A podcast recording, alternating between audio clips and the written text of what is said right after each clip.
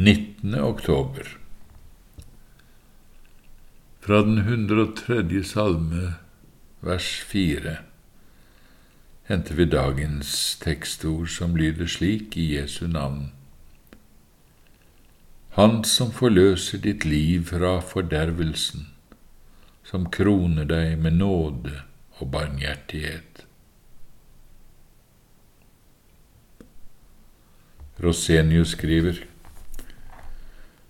når Gud forlater et menneske all dets synd og leger all dets sykdommer, så er det mennesket utfridd både fra Guds vrede og fra fordømmelsen. Og Guds ubegripelige kjærlighet, den store guddommelige kjærligheten som overgår all menneskelig tenkning, hviler nå og fra nå av over dette mennesket. Gud elsker dette mennesket med en kjærlighet vi bare svakt kan sammenligne med en mors kjærlighet til sitt lille barn, eller som en brudgom elsker sin brud.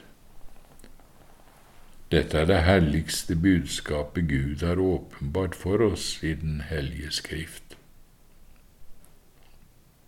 Skriften har mange hellige ord om dette.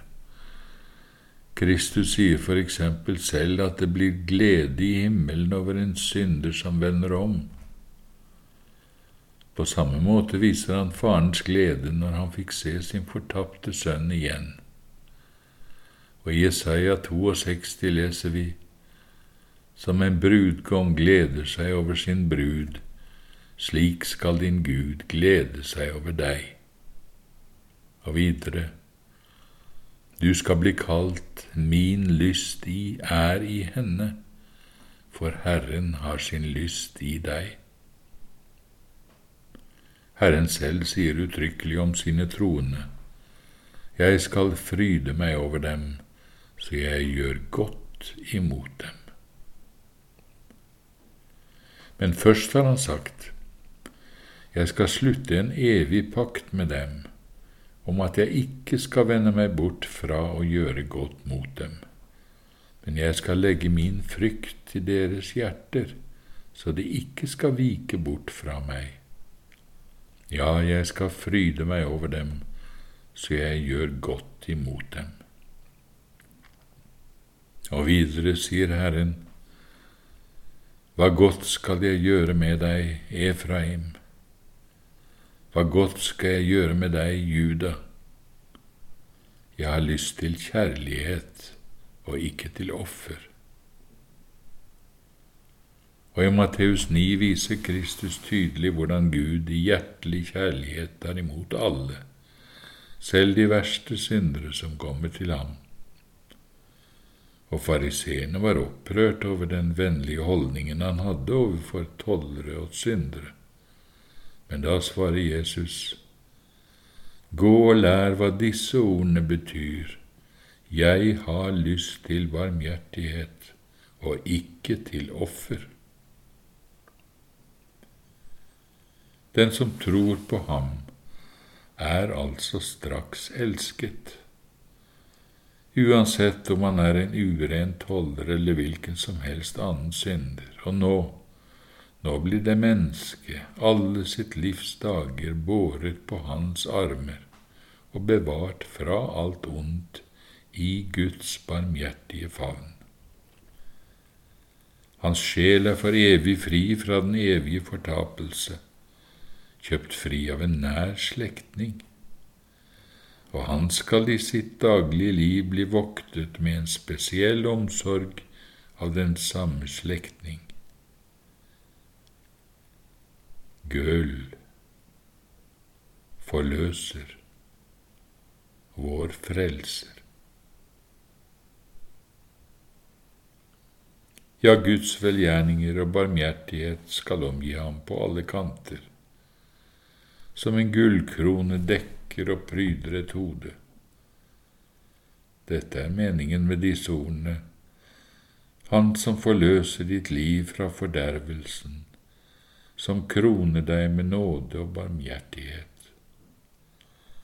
For det hebraiske ordet for forløser taler om hvordan en slektning av omsorg for en i familien kjøper denne fri fra slaveri. Den samme Guds inderlige omsorg er det også neste verset i Salme 103 handler om.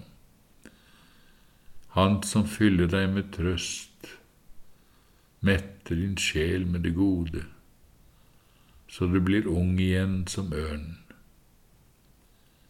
For ørnen skifter ham og blir liksom fornyet når de gamle fjærene faller av, og den får nye. På samme måte fornyes vi når Herren kommer til oss med sin trøst. Og hvis Herren ikke gir oss troen som gave, er det umulig for oss å ta til oss noen virkelig trøst og fred. Han er troens oppholdsmann og troens fullender. Om noen undertrykker oss eller dømmer oss urettferdig, da er Herren den som dømmer rettferdig, og som tar seg av vår sak. Herren handler rettferdig, han gir rett til alle som må tåle urett. Vi kan oppleve at de mest respekterte mennesker angriper oss fiendtlig, forvrenger våre ord til det ugjenkjennelige, henger oss ut som villfarne eller falske kristne men vi bare tier, selv om vi klart kunne avkrefte det vrengebildet de gir av oss. Vi tier og er som en døv som ikke hører noe, og som en stum hvor det ikke er noe svar å få. Og likevel tar Herren seg så herlig av vår sak. Våre motstandere blir mer og mer avkledd og står igjen som dem de virkelig er. Alt dette kommer bare av Herrens trofasthet. Hvis vi kan tro, bli stille og bare vente på ham, uansett hvordan ting fortoner seg.